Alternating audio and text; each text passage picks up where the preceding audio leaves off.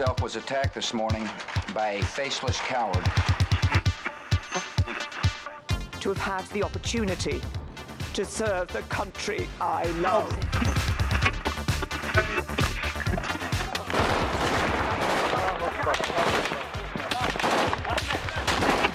Den Einsatz für Frieden und Freiheit in Deutschland, in Europa und in der Welt. We will southern border. I beg you, please do not fail on this.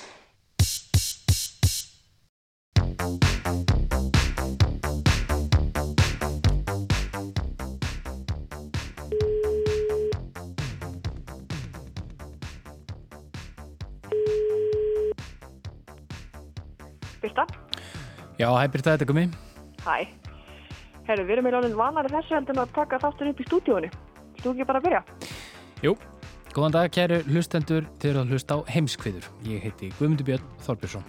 Og ég heiti Birta Björnsdóttir. Í heimskviðum er fjallaðin það sem gerist ekki á Íslandi.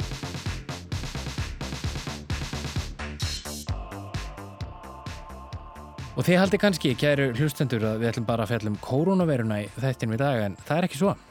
Nei, við ætlum að fjalla líka um þá áhugaverðu staðarind að það eru fleiri tígristýr í haldi manna í bandaríkjunum heldur en ganga frjáls í náttúrunni. Mörg hafa eflaust nýtt heimavist síðustu vikna í að horfa á heimildathættina Tiger King á Netflix. Og Halla Ólafsdóttir, hún ætlar að segja okkur nána frá þessu eftir og ræðir meðalans við Þorkil Heiðarsson, líffræðing og bildastjóra hjá fjölskyldu hústreikarinnum og Ester Rutt Unsteinsdóttur, spendýra vistfræðing. En það verður auðvitað smá COVID líka, er það ekki? Jú, við komumst nú ekki hjá því og viljum það nú heldur ekki. Við höfum síðustu vikur byrjað hvert þátt á nokkuð svona viðfemri yfirferðum för veiruna um heiminn og hvernig stjórnvöld bregðast við útbreyslu hennar og við ætlum að byrja þennan þátt líka á því. Og á COVID-tímum eins og flestum öðrum þessi misserinn takast menn á um orð og gjörðir fósita bandaríkjana. Hann hefur nú verið gaggrindur fyrir að bregðast sent og illa við yfirvofandi heimsfaraldri. En eins og honum einum í lagið snýr Donald Trump vörn í sók og segir alþjóða heilbriðismálarstofnunina bera mestu ábyrðina. Og í refsingaskinni ætlar hann að hætta að styrkja stofnunina í byli. Ákvörðun sem hefur verið harðilega gaggrind við það. Og það er Pálmi Jónasson sem ætlar að segja okkur frá Trump, COVID og pólitíkinni hér á eftir. En við ætlum að byrja á jákvæðum fréttum af COVID. Við myndum björn.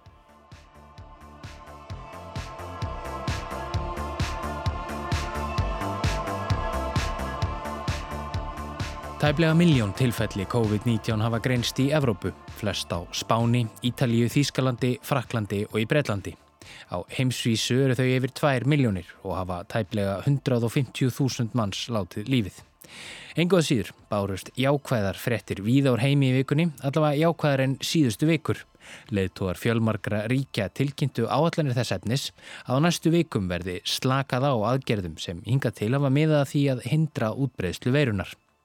Viðbröð stjórnvalda víðam um heim koma í kjölfar tilmæla alþjóða helbriðismálastofnunarinnar sem hefur kvart til þess að takmörkunum verði aflétt, hægt, en annars geti faraldurinn blossað upp að nýju. Wir werden uns immer in 14 Tagesabständen mit den weiteren Entwicklungen befassen. Wir wollen sehen, welche Auswirkungen haben. Á miðugudag tilkynnti Angela Merkel, kanslari Þýskalands, að slakað verði lítilega á samkomubanni í landinu í næsta mánuði. Kennsla í skólum muni hefjast að nýju litlar vestlanir megi opna aftur, þóttu veitingahús verði áfram lokuð. Þá verða þau sem nota almenningssamgöngur í landinu gert skilt að vera með andlitskrimur. Það ákvaðu Danir að opna grunn og leikskólaði nýju. Indtil videre synes jeg, det er super godt, og der er jo selvfølgelig ikke så mange børn endnu, øh, men det er dejligt at komme tilbage på arbejde. Finnar afléttu ferðabanni til og frá svæðinu í kringum Helsingi, höfuborg landsins, sem hefur staðið í tvær vikur. Í gær tilkynntu svisnesk stjórnvöld að frá með 27. april verði slakað á takmarkunum þar í landi, spítilum verði heimilt að framkvæma valkvæðar aðgerðir, rakkarastofur með opnað nýju skólar frá með 11. mæ.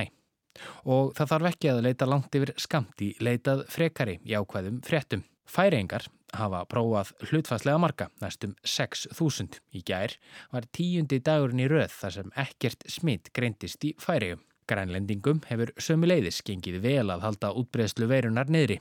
Fyrsta smitið á Grænlandi var greint 16. mars og síðan þá hafa tíu til viðbótar smitast. Undarfarna daga hafa þó engin ný smit greinst þar. En þó vel gangi að halda útbreyslu smitana niðri er ljóst að áhrifin verða umtalsverð hjá þessum grannþjóðum okkar eins og líklega flestum. Talsverður uppgangur hefur verið í efnahagslífi og ferðarþjónust á Grænlandi undanfærin ár en ljóst er að svo leið heldur ekki áfram upp á við á næstu misserum. Talsmenn ferðarþjónustu fyrirtækja og atvinnulífs óttast að bóðaðar aðgerir stjórnvalda til bjargar fyrirtækjum í landinu dugi ekki til. Það er því enn langt í land að lífið komist aftur í eðlurett horf og þótt að þykji tilefni til bjart sín í Evrópu um þessar myndir berast óþægileg tíðindi úr austri. Frá Kína, þar sem faraldurinn breytist fyrst út. Á miðvíkudag greindust fleiri smiti heilu Jiang hér aði í norð-austur hluta landsins heldur en nokkru sinni síðustu sex vikur í landinu. Talið er að smitin sé að reyki til þeirra sem sé að snúa tilbaka til Kína frá útlöndum. Kínversk stjórnvöld óttast nú að önnur bylgja faraldursins gæti fyllt í kjölfarið og hafa greipið til viðegandi ráðstafana. Strönga landamæra og öryggiskesla er nú í borgunum, nálægt rúsnesku landamærunum í östri, en íbúar þeirra hafi verið skildaðir í sótkví. Og taland um Rúsland, hápuntinum í faraldrinum í Rúslandi er ekki náð, að því er talið er og í þessari viku hefur smitum fjölgað hver dag.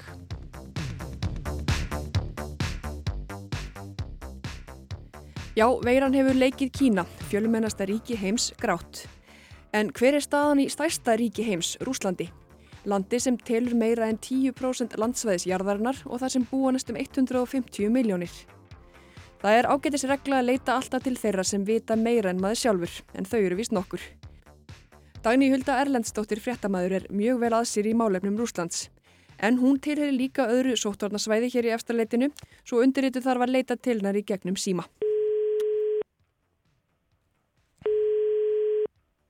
Halló? Dani? Já, sælbess. Sælbess, má ég trublaði smá þó sér til frí? Já, ekki smá. Mér langar bara svo að vita hver staðan er í Rúslandi og svona hver þróunin hefur verið þegar að kemur að COVID-19. Já, eh, það virðist vera ef við miðum við fjölda greindra smita þá virðist faraldurinn hafa farið tölvægt setna stað í Rúslandi heldur en til dæmis í Evrópu. En núna síðustu daga þá hefur smitum fjölga mjög hratt og ef við getum talað svona um met þá falla met hver dag þess að voru fleiri greintir í gæð heldur en í fyrra dag og þannig hefur það verið alla þessa viku. En hver hafa svona viðbröð stjórnvalda verið? Þau hafa verið nokkuð hörð svona síðustu dagana og Putin fundið með ennbættismennum núna á mánudag og þessum fundið var sjómarpað og þar sagðan að staðan væri að versna og það þurfti að gera allt til að bregðast við og þannig að líka stjórnvöld þurfti að undirbúa sig undir það versta. Og þetta var svolítið annar tótt en til dæmis um miðjan mars. Þá sagðan að yfirvöld hefður stjórn á faraldrinum en þá voru líka greint smitt bara 100. Og Rúsland er náttúrulega stærsta land í heimi. Ég meina hvernig er þetta risastóra land í stakk búið að takast á við svona smittandi faraldur? Það er náttúrulega það saman búið teiningnum þar bara eins og um allan heim. Ég held að það er ótt að segja að það hefur enginn verið búin undir þetta En það er núna hratt við að reyna að breyðast við. Það er að fjölga sjúkrarúmum, byggja spítala og til dæmis hafa háskólanemar í sjúkrun og læknisvæði verið kallaði til starfa. En gaggrínendur hafa bent á það að það hafi verið nýðiskurðin með helbriðskerfisins síðustu ár og þess að vakti bæði fólk og búnað. En svo er náttúrulega annað að viðbröðin framann að virðast bara hafa nýðast við helbriðskerfis. Og það er verið miklu áhugir að hvernig almenningur í Úslandi eftir að hafa það þegar þessu verður lokið. Akkurát og svo kannski aðeins í lokin, þú sagði mér að það væri ekki bara þessi hluti sem þú er búin að tella upp sem fólk hefði áhugjur af, heldur líka já, Eurovision?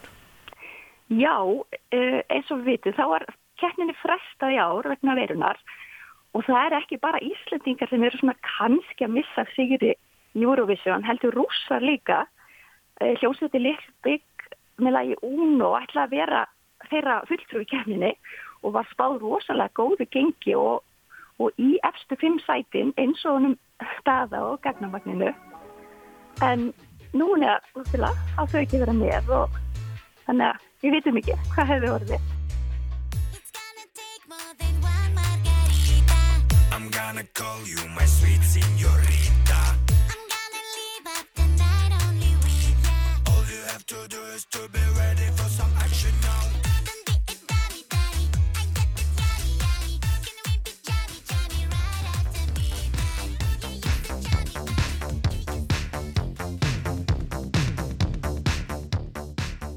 En við byrjum þennan þátt í auga stormsins í bandaríkjunum þar sem faraldurinn er áfram í örum vexti. Í fyrradag létust hátt í 2600 manns úr COVID-19 sjúkdómnum og fórsetin Donald Trump er fyrir laungu komið baki uppi vegg. Á þriðudag tilkynntan hann ætlaði að stöðva greiðslur bandaríkjana til alþjóða helbriðistofnunarinnar en hinga til hafa bandaríkin veitt lang mestu framlögin til stofnunarinnar. Á síðast ári námu fjárveitingarnar 400 miljónum bandaríkjadólara eða því sem nefnur rúmlega 57 miljörðum íslenska króna. Trump byggir ákverðin sína á því að stopnunin hafi ekki komið hreint fram og hana þurfi að draga til ábyrðar. Það að samtökin hafi lagst gegn ferðabanni til og frá Kína þegar veiran fór að beðast út þar hafi reynst dýrkift. Viðbröðin við ákverðin Trumps hafi ekki látið á sér standa og við vikjum síðar að því hér á eftir. En fyrst allar Pálmi Jónasson að setja nýjasta útspill Trumps í samengi við atbyrðar ás síðustu vikna. Það að fórsetin fari gegn vísindarsamfélaginu og fyrir sig ábyrð Já, það eru kannski ekki nýjar fréttir.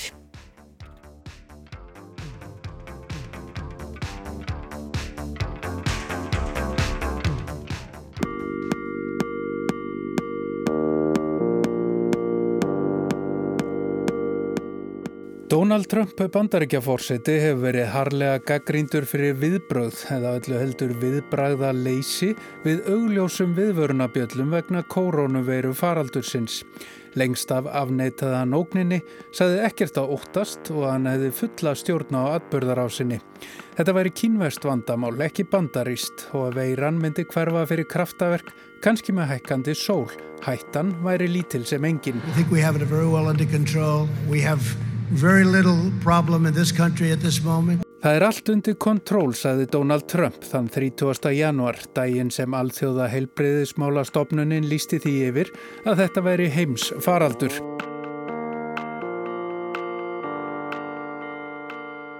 Trump sagði að lítil sem engin vandamál væru í bandaríkjónum. Þremur dögum síðar eða annan februar sagði hann að það væri búið að koma í vekk fyrir vandan frá Kína. We pretty much shut it down coming in from China. We're going to see what happens, but we did shut it down, yes. Fremur dögum síðar frór helbreyðisráþæran Alex Assar fram á fjóra miljardar bandaríkjadala til að kaupa nöðsynlegan búnað fyrir helbreyðiskerfið. Trump taldi vandan íktan upp úr öllu valdi og að hlutabref myndi hrinja í kjölfar slíkra aðgerða. Þann 10. februar var Trump ákveðin í að þetta væri smávægilegt vandamál. Þennan dag endur tók hann það í þrýgang á þrennu mismunandi vikstöðum að veiran myndi hverfa í april með hækkandi sól og hlínandi veðri. Veiran myndi ekki lifa vorhittan í bandaríkjónum og hverfa fyrir kraftaverk. You know in April supposedly it dies with the hotter weather. Looks like by April, you know in theory when it gets a little warmer it miraculously goes away. I hope that's true.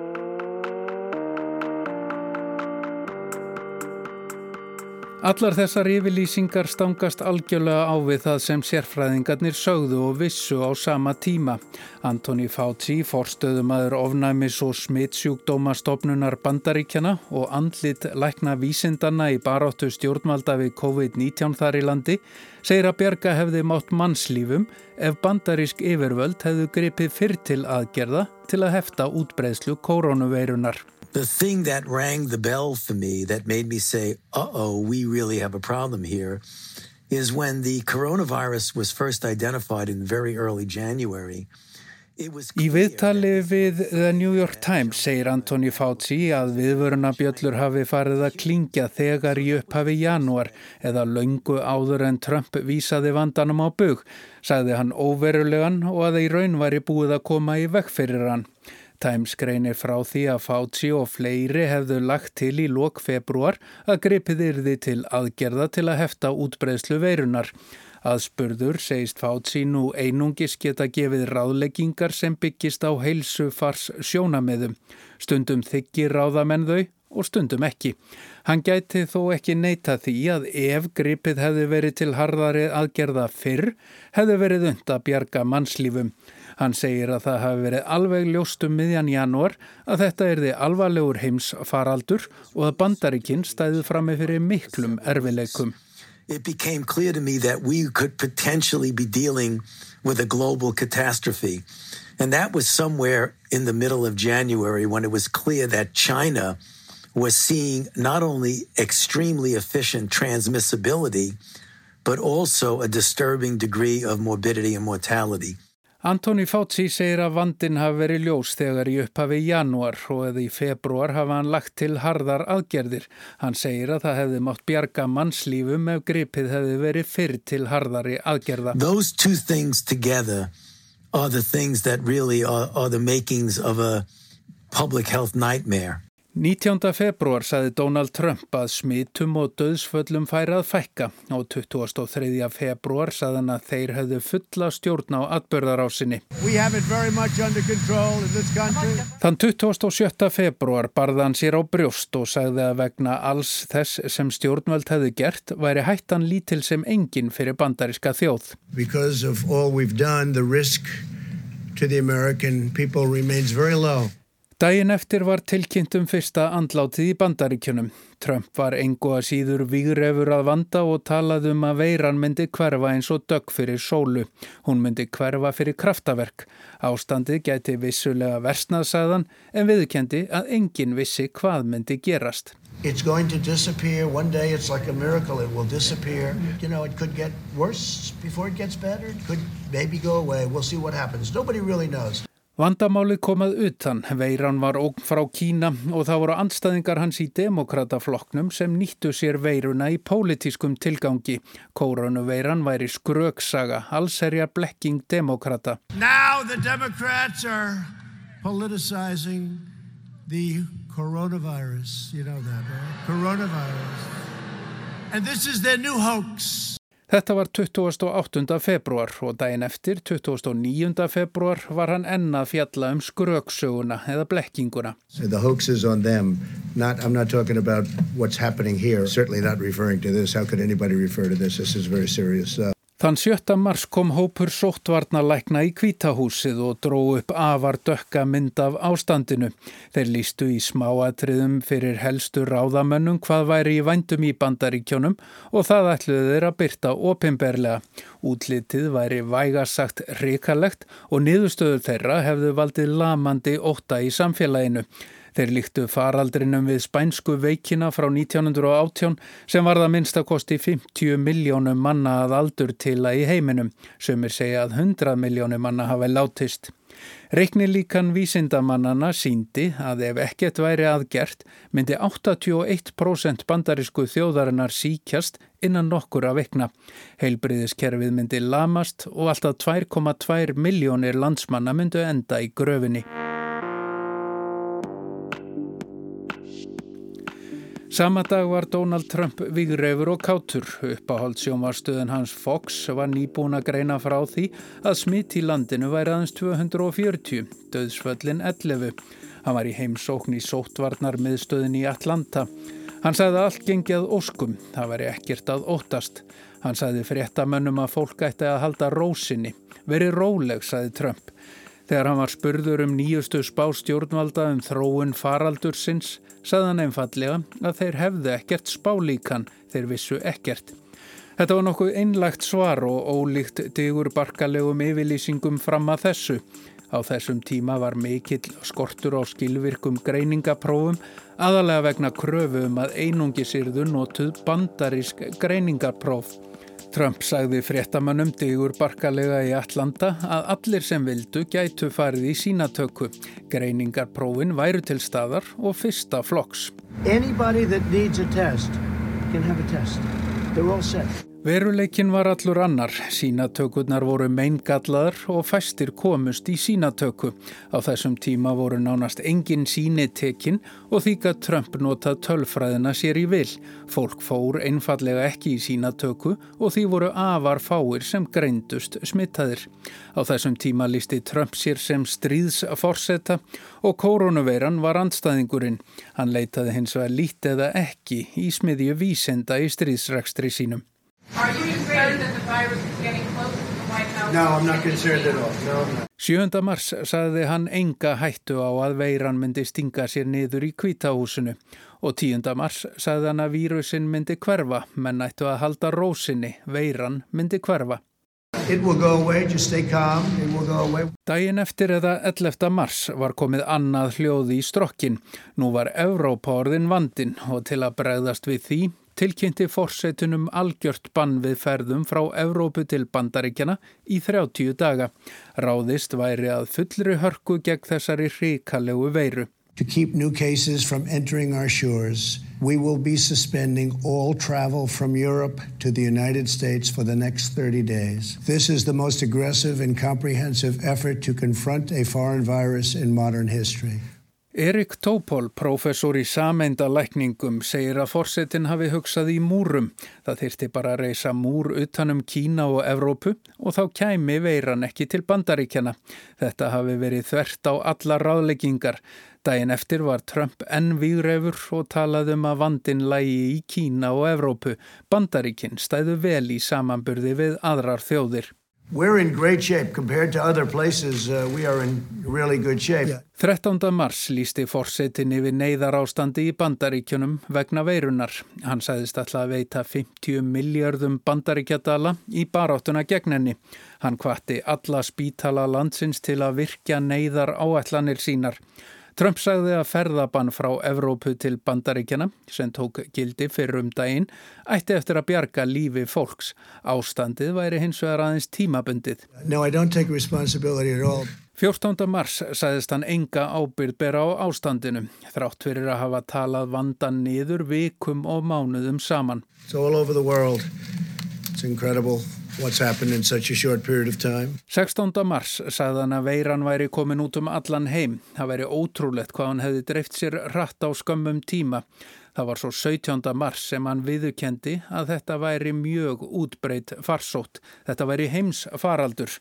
Hann hefði alltaf vitað að þetta væri heims faraldur. This is a, this is a real, this is a pandemic. Vísindamenn segja að þetta séu meiri háttar hamfarir sem hefði mátt afstýra ef Donald Trump hefði hlustað á viðvaranir sérfræðinga og bröðist rétt við.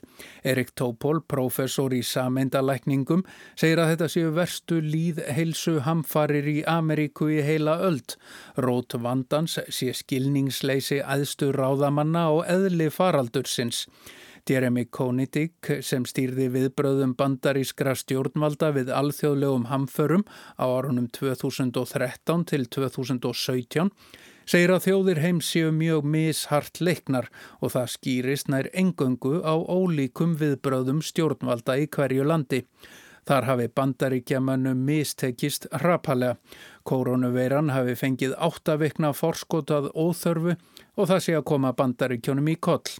Naomi Oreskes, professor í vísinda sakfræði við Harvard Háskóla, segir að viðbröð Donalds Trumps hafi verið enn verri en óttast var. Ekkert hafi verið hlustað á vísindamenn og hefbundin pólitík hafi ráðið för. Nancy Pelosi, leðtogi demokrata í fulltrúa deild bandaríkjathings, segir að viðbröð fórsett hans og afneitun hans á vandarnum á fyrstu vikum og mánuðum faraldursins hafi þegar kostað mörg mannslíf. His uh, denial at the beginning uh, was deadly. His delaying of getting uh, equipment to where it continues, his delaying getting equipment to where it's needed Nancy Pelosi segir berum orðum að getuleysi fórsetans til að horfast í augu við vandan og viðukennan hafi kostað mörg mannslíf og einnig getuleysi hans til að tryggja nöðsynlegan búnað. Hún segir í raun að Róm brenni á meðan leiðtóin spilar á feðlu. What did he know and when did he know it? That's for an after action review. But as the president fiddles, people are dying and we, have to, we just have to take every precaution. Erik Topol, professor í sameindalækningum, tekur undir þetta og segir að minnst 100.000 bandaríkjaman eigi eftir að láta lífið. Koma hefði mátt í veg fyrir meirur hluta þessara döðsfalla með réttum viðbröðum. Donald Trump beri ábyrð sem aðsti leiðtögi þjóðarinnar. Jeremy Koenidig sem stýrði viðbröðum bandarískara stjórnvalda við alþjóðlegum hamförum á árunum 2013 til 17 segir að þegar ebola faraldurinn leta á sér kræla árið 2014 hafi stjórnvöld sett fram viða mikla viðbræðsáætlun til að búa þjóðina undir mögulegan heimsfaraldur í framtíðinni. Þessi undibúningur hafi í engu verið hafður og allur viðbúnaður verið hunsaður með ómældum tilkostnaði og hörmungum. Trump rak alla viðbraðsnemdina á einu bretti.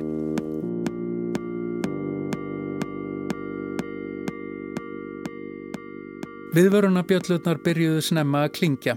Alex Azar, heilbreyðisar á þara bandaríkjana, fekk að vita af útbreyðslu veirunar í Kína um áramótin eða 3. janúar. 5. janúar voru vísindamenn í Shanghai búinir að kortleggja genamengi veirunar og tilkynnað það til allra helstu stopnanar veraldar. Í upphafi februar vissu allir helstu vísindamenn heims að veikin smitaðist óvenju greitt manna á milli og að dánatíðnin væri veruleg, sérstaklega meðal eldra fólks og þeirra sem væru veikir fyrir. Vísindasamfélagið og helstu öryggistofnanir landsins reyndu að koma viðvörunum í kvítahúsið en árangurinn væri ekki upp á marga fiska. Washington Post segir að heilbriðisaráþarann Alex Azar hafi margreint að koma viðvörunum á framfæri við Donald Trump en hafi ekki fengið áhærn fyrir 18. januar. Þá vildi fórsetin reyndar bara tala um veip, ekki koronaveiru.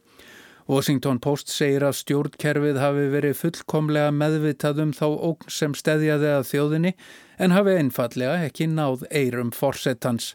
Þegar hann loksins brást við hafi hann ákveðið að hunsa vísindamenn og sett varaforsetan Mike Pence yfir viðbraðst teimið. Tengdasónur hans, Jared Kushner, hefur einni verið í framvarðasveitinni án þess að hafa nokkra reynslu af viðbröðum við heimsfaraldri.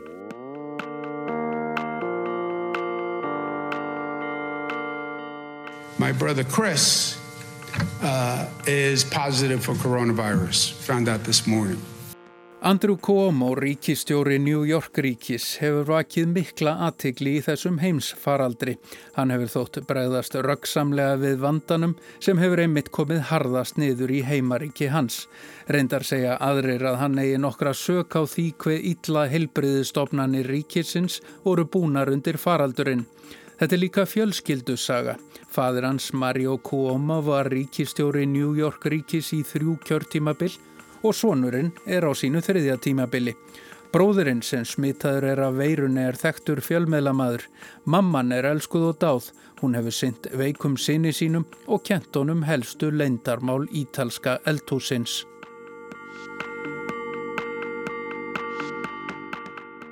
Það hefur löngum verið sagt að Donald Trump líti á sig sem stærstu sjómarpstjörnu í vinsalasta raunveruleika þætti sögunar.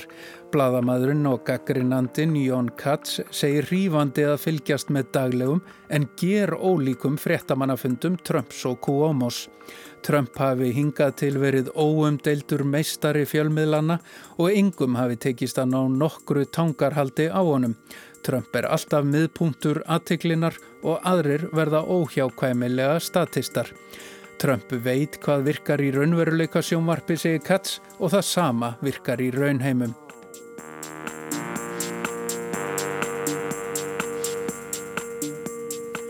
Cuomo fer alltaðra leið en Trump á sínum daglegu fundum.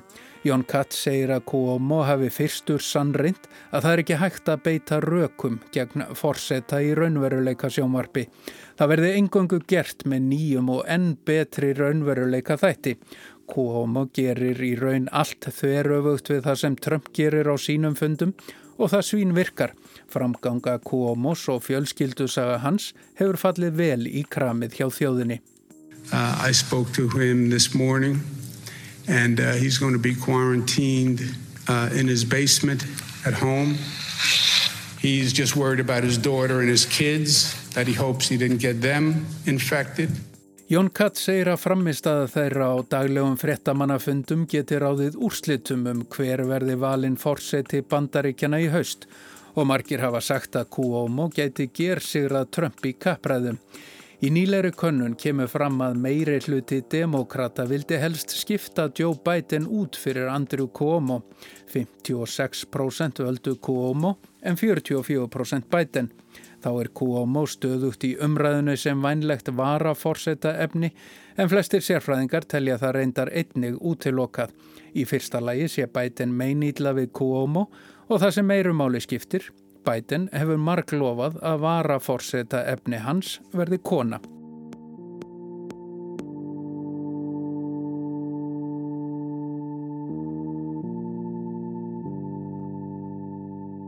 Wall Street Journal hefur yðurlega stutt fórseta republikana en nú bregður svo við að reittstjórar þess gaggrína framistöðu fórsetans á bladamannafundum harkalega. Segja að hann misnoti þessa bladamannafundi á víðsjárverðum tímum til að baða sig í sviðsljósinu.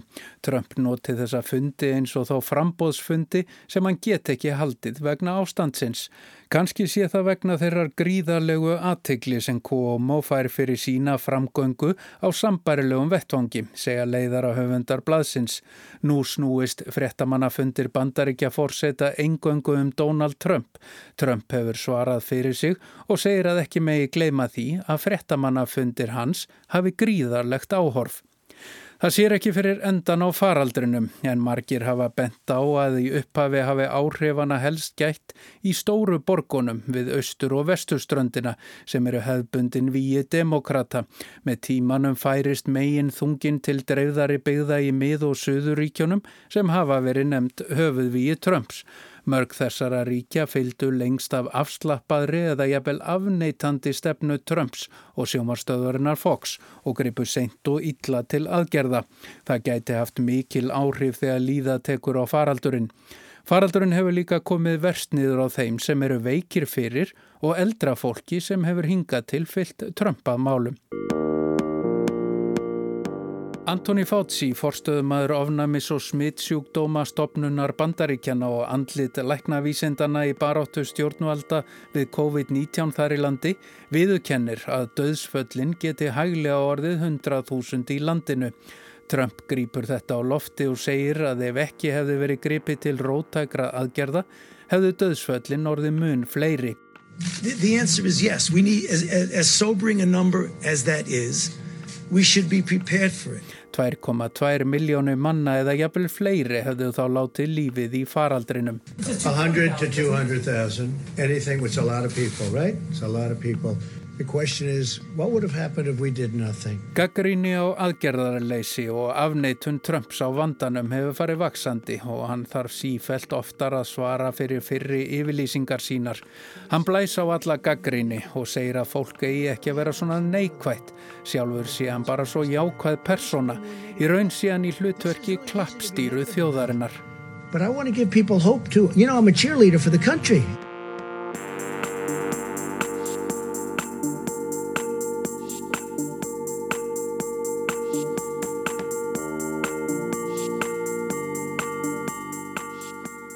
Talandum það að hunsa vísindin og gera lítið úr orðum vísindamanna, já, þá hefur Trump nú ef eitthvað er forherst í afstöðu sinni og skellir nú skuldinni á alþjóða heilbreyðismála stopnunina eins og Birta nefndi hér fyrir í þættinum. Stopnunin hefur að mati Trumps dreyið taum kínverja og misnótað góðvild bandaríkjana.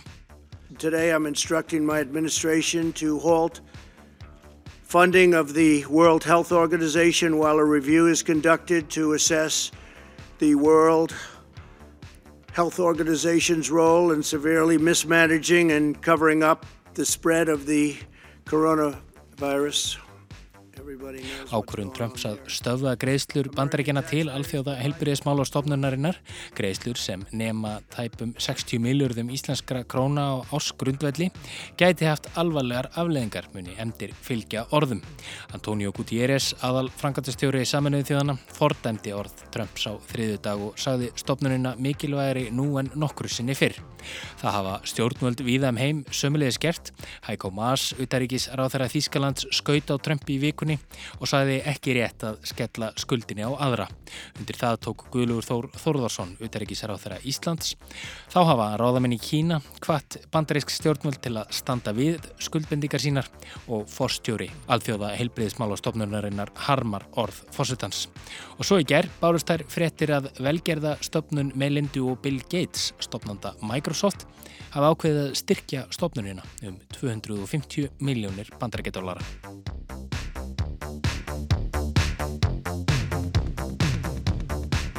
En nú vendum við okkar hvæði í kross. Þið eru líklega ekki með tígristýri í gardinum heima hjá ykkur kæru hlustendur, en væri þið búsett í bandaríkjunum, já, þá væri það reynd ekki svo fáránlegt. Halla Ólafstóttir tekur nú við og fjallar um þá ótrúlegu staðrind að fleiri tígristýr búa einn á heimilu manna í bandaríkjunum, en eru vilt út í náttúrunni.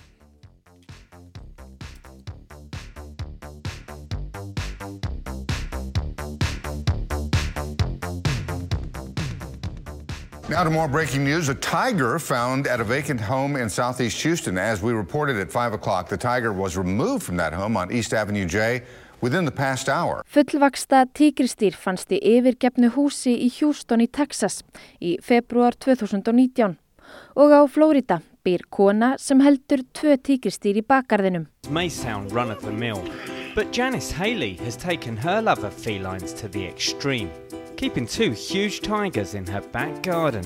Saber, a 600 Það hefðu leiklega ekki margir velt fyrir sér svo sérkennlegu gældýrahaldi. Ef það væri ekki fyrir heimildar þættina Tiger King sem hafa notið gífulegra vinsælda á streymisveitunni Netflix undanfarnar vikur. Fólk í samkomubanni gleipir þættina í sig enda efnistökin lígileg. Samfélag fólks í bandaríkjanum sem heldur tugi og hundru tígristýra, ljóna og annara stórkatta. Þótt dýrin fari með leiki hlutverk í þáttunum sjö, þá taka þeir fljótlega að hverfast um atferðli mannskeppnunar. Við ætlum hins vegar ekki að kafa í persónugalleri sjónvarsþáttana Tiger King, heldur staldra við eitt af því fyrsta sem kemur fram í þáttunum. Here is a fact that may make you stop for a second. There are more captive tigers in the U.S. today than there are in the wild throughout the world. Fréttakonna CBS This Morning segir að það séu fleiri tíkistýr í haldi manna í bandaríkjunum en eru eftir vilt í heiminum. Getur það staðist?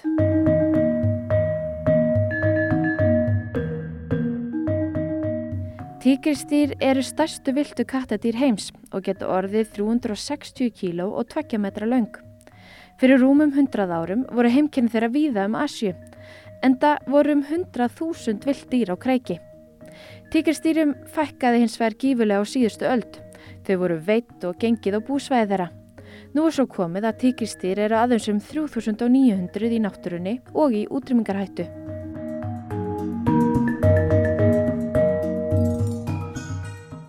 Tíkristýr finnast í einangruðum litlum hópum í 13 löndum Asju og þau þrýfast í regnskóum á graslendi, á sléttum og í mýrum en 93% búsvæða þeirra hurfu á síðustu öld að mestu leiti vegna ágangsmannsins. Til eru tvær tegundir tíkristýra og nýju stopnar. Af þeim eru þrýr útdöður og einn líklega útdöður í náttúrunni. Eftir stöðuga fækkun í um 100 ár hafa þó nokkru stopnar tíkristýra verið stöðugir eða stækkað lítilega síðustu ár á Indlandi, í Nepal, Bútan, Rúslandi og Kína. En eiga ennundur högg að sækja annar staðar eins og til dæmis á Súmötru í Indonísíu. Á meðan enn er eftirspurn eftir tíkristýravörum er áfram gengið á stopnin.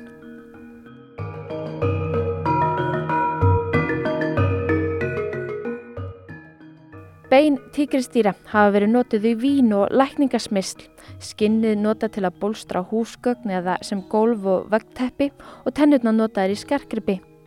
Í Kína hefur löngum verið talið að ymsar tíkristýra afurðir geti aukið kynngetu karlmanna. Engar rannsóknir renna þó stóðum undir það að mulin tíkristýra bein eða súpa úr getnaðalimum tíkrisfressa auki kynngetu karla og því gæti lifið við akra ef tvill verið einn helsti bandamaður tíkristýrina eins og er tekið til orða á Vísindavef Háskóla Íslands. Á miðjum nýjunda áratögnum hófst ræktun á tíkristýrum í Kína sem var ætlað að draga úr veiðiþjófnaði en dýravenduna sinnar telja að ræktunin hafi jafnvel gert illt verra. Með henni hafi veiðiþjóðum tekist að fela vilt tíkristýr og komist hjá skömm fyrir að nota afurður dýrs í útrymmingarhættu. Talið er að um 8.000 tíkristýr séu í haldi manna í Asju. Alþjóðleg verslun með tíkristýr og tíkristýraparta hefur verið bönnuð síðan 1987. En snúum okkur aftur að bandaríkjunum og þeim þúsundum tíkristýra sem eru þar í haldi manna.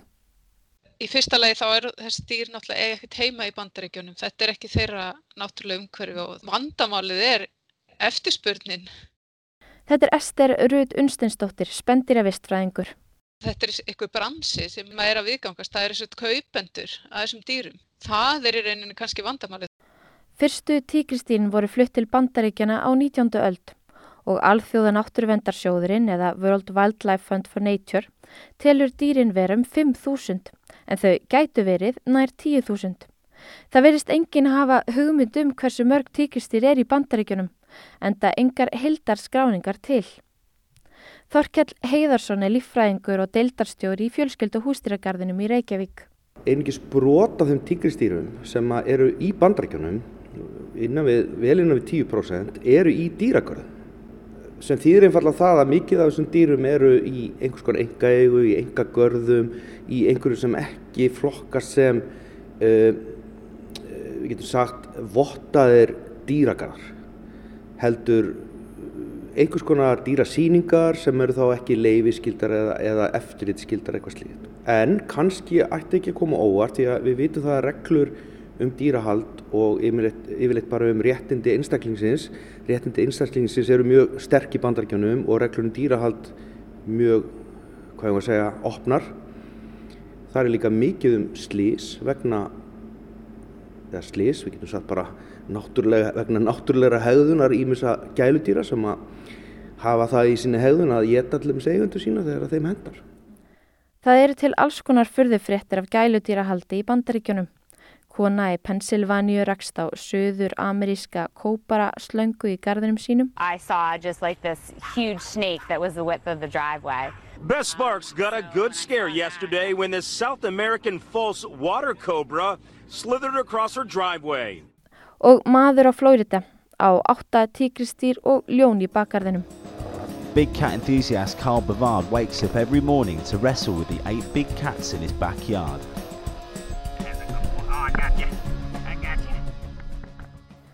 Sögurnar eru fleiri og margar frá Texas. Árið 2009 slapp tíkristýr úr búri og fannst í bakgarðinum hjá 79 ára gamalli konu og árið 2003 rakst maður í Dallas á tíkristýra kvolp sem ráfaði með fram hraðbrutinni. Árið 2001 var lítill þryggjára drengur drepin af gæludýra tíkristýri frenda síns.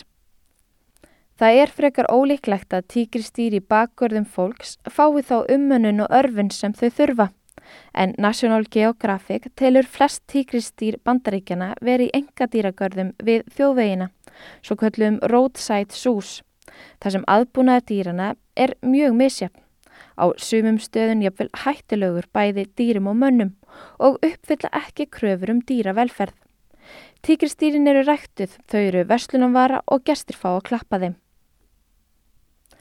Reglur um tíkristýr í bandaríkjunum eru bútarsöymur landslaga, ríkislaga og síslulaga og í fjórum ríkjum bandaríkjana eru engin lög í gildum stórkattahald. Ekkert yfirvald fylgist með eða skráur öll þessi tíkristýr, hver á þau, hvar þau eru, hvenar þau eru seld eða þeim skipt og hvað verður um dýri þegar það drefst. Fyrir þinginu likur þó það sem er kallað The Big Cat Public Safety Act sem á að banna ræktun á stórum kattategundum í hagnarskinni og koma í vekk fyrir að tíkristýr séu höfð sem gæludýr. Því er haldið fram að sumstæðir í bandaríkunum séu auðveldar að kaupa tíkristýr en að takað sér hundur dýraatkvarfi. Árið 2006 sektaði landbúnaðaráðnetið Joe Exotic aðalpersonu þáttuna Tiger King um 25.000 dollara vegna aðbúnaðar í dýragarði hans. Dýr voru veik, slösuð, vannrækt og skítug og búrin voru ófullnægjandi. Ástandið lagaðist þó ekki. Eitt tíkristýrina slapp, starfsmar var bitin og 22 tíkriskvolpar drápust á 8-10 mánuða tímubili.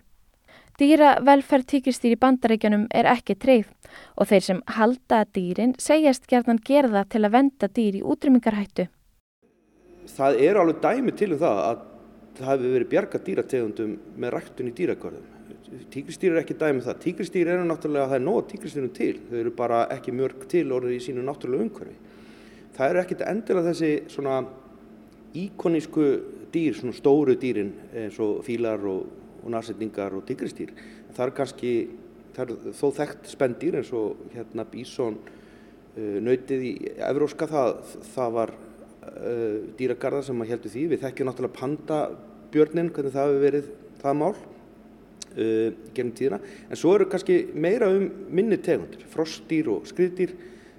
Uh, það eru tegundir sem að eru að útrýmast úr heiminum mjög hratt þessa dagana með eðingur regnskóa Þannig að það er, er ímis prógrum í gangi, þannig að það er ekki til neitt einfalt svar já eða nei, en ég held að í þessu tilfelli, í þessu þáttum, þá held ég að þetta sé orðið svona mjög e, þægileg afsökun og svona ákveðin svona já, þetta er svona réttlæting fyrir því að halda tíkristýr og ég held að hún sé eigi ekki rétt á sér í þessu tilfelli sem við verðum að, að nefna í þessum þáttum.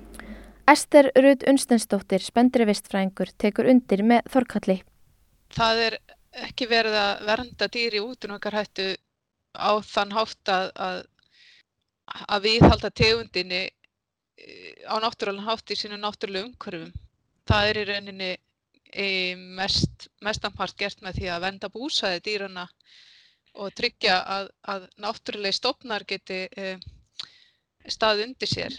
E, í þeim tilfellum þar sem að dýrum er, er sagt, fjölgað í haldi til að bjarga náttúrulegum stofnun þá þarf að fara eftir mjög ströngum e, svona strángri aðferðafræði það þarf að tryggja að dýrin hafi þá eiginleika sem þarf til þess að lifa í náttúrulega umhverfi og síðan er þeim um, er fylst með þeim eftir á og dýr úr svona umhverfi þau eru gjörsamlega vonlaus í náttúrulega umhverfi.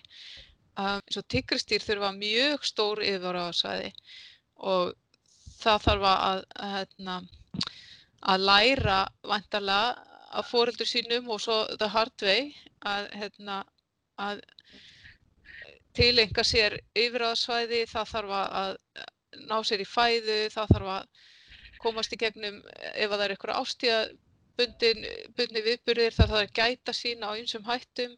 Það þarf að ná sér í maka það, það er svo ansi margt sem að þarf að gera og, og, og þetta er alls ekki aðilar sem að, að uh, hafa aðstöðu þekkingu getu eða eitthvað leifi til þess að stunda slíkt.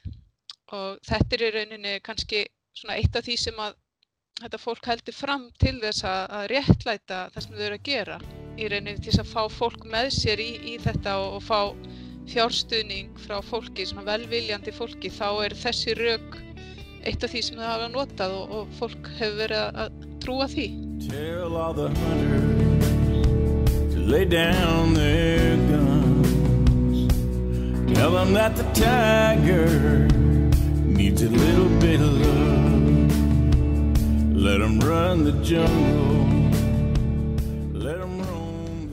Hér heyru við lag með Joe Exotic, mannskeppninni sem er megin viðfangsefni þáttana Tiger King. Þótt ætlunin sé ekki að rekja söguþráð þáttana eða kynnast personunum frekar, þá vekur samband fólks og dýra í þáttunum ymsa spurningar. Þannig eru ákveðin kattmenn dregnir fram sem að eru að halda svona dýrasýningar eða dýragarða eða síningar með þessi stóru kattadýr og þeir eru svona að nota þetta sem einhvers konar upphefð. Þeir eru að nota þess að hefja sjálfa sig upp sem einhvers konar uh, karlmenni, meira karlmenni menn sem geta einhvern veginn uh, verið með dýr, þetta snýst líka um, um óta sko að þóra að vera hjá þessum dýrum sem geta vissulega kliftaður hönd eða jafnvel drepa því bara auðvöldlega svo í öðru tilfellum fannst mér fólk líka vera með þessa ketti í einhvers konar svona hjúkurunar tilgangi og það fannst mér líka mjög mannlægur tilgangu sem maður sá þar að það var svona ég er að bjarga þessum köttum og ég er góð manneskja fyrir það og mér ber að hampa sérstaklega fyrir það hvað ég er góð manneskja að hafa þessi tíkristýr hérna í þessum búrum eftir að ég bjargaði þeim frá vondakallin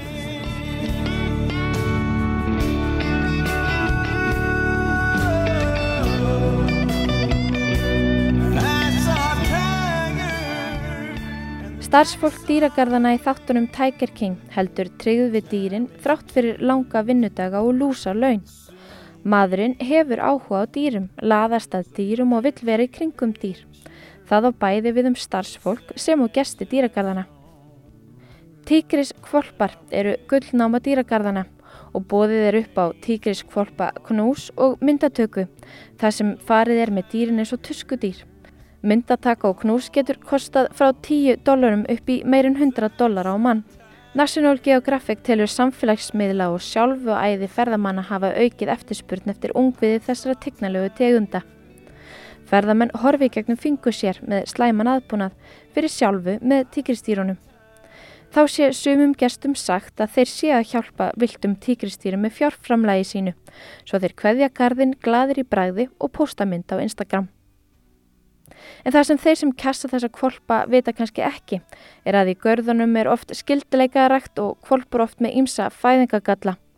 Þá er mikið álag á tígrislæðunum sem að gjóta jafnvel tvísvar til þrísvar á ári en út í náttúrinni gjóta þær annarkvært ár. Ester Rud Unstinsdóttir er spendiravistfræðingur. Það er sífælt eftirspurn eftir ungviðinu en ekki endilega fullornu dýrunum sem er þá svona óviðræðanlegari og hættilegri og kannski ekki eins krútleg. Þannig að þessi, þessi krútmenning líka, þessi krútlegu dýr sem að, sem að er viðhaldur þessum markaði. Mér fannst svolítið erfitt að horfa þegar, þegar einn tígris eh, læðan var að gjóta þarna og það var bara plokkað útrenni nánast, eh, já bara nýfættir ungar og það var bara búið að setja vermið á þá eins og skott. Þannig að einhverju kaupendur eru þarna úti og þeir vilja greinlega alltaf fá nýja og nýja unga þannig að, að það er náttúrulega engin dýravend eða dýravelferð í gangi uh, hvað þetta var þar og fólk ætti rauninni að spurja sér svoleið spurninga. Þeir sem horfa á Tiger King verður fljótt ljósta starf sem er dýragarðana í þáttunum er drifin áfram af peningum. Sangvand úttekt National Geographic seldi Joe Exotic á árunum 2010 til 2018 á 8 árum 168 tíkirstýr og ljóstaði hvert tíkirstýr getur kostað mörg þúsund dollara. En svo er það ekki aðeins sá sem rektar tíkirstýrin sem að hagnast á dýrunum. Það er aðili sem er sem sagt, að veita skjól þessum dýrum sem eru orðinna problem og eru vandamál og tryggja þeim svona eitthvað gott ævikvöld. Það er, það er í rauninni kannski svona dýravinur sem að, dýravinir sem að koma þar að sem eru reyninni að þeirra mótmæla þessari ræktun um, og vilja meina að það sem þau sé að gera sé reyninni svona að bjarga dýrum frá hinum aðilanum en þau væru líka ekki, alveg verkleg og væri ekki með neinn verkefni ef að hinn aðilin væri ekki til um, Þannig að það, það er einhvern veginn snýst á meira um að dýra velferð og, og, og að það fari betur um dýrinu. Þau eru einhvern veginn að gera það sama. Það er einhvern veginn ekki alveg endilega skýr línaðan á milli því að báðir aðilar eru að síðan að selja inn og, og fá fjárframlög frá bara almenningi út á eitthvað svona gútvill. Egnarhald manna á viltum dýrum er ekki bundi við tíkristýr eða ljón og dýravendunarsamtökin PETA greindu frá því að samtökin hefði tekið þátt í að flytja 39 tíkristýr, þrjá byrni, tvo bavíana og tvo simpansa úr dýragarði Joe Exotic í dýraatkvörf. Dýragarðurinn er samt ennþá opinn. 62-year-old truck driver Bonnie Hart keeps two grizzly bears and a white tiger in her back garden. Og svo lengi sem ferðamenn sækjast eftir því að knúsa tígriskvolpa og dástað blendingum ljóna og tígristýra og svo lengi sem að bandarisk stjórnveld gera það ekki flóknar að halda tígristýri í bakgarðunum, þá er líklega engin fyrirsjánlega breyting á fjölda tígristýra í haldi manna nýja velferð þeirra í bandaríkjónum.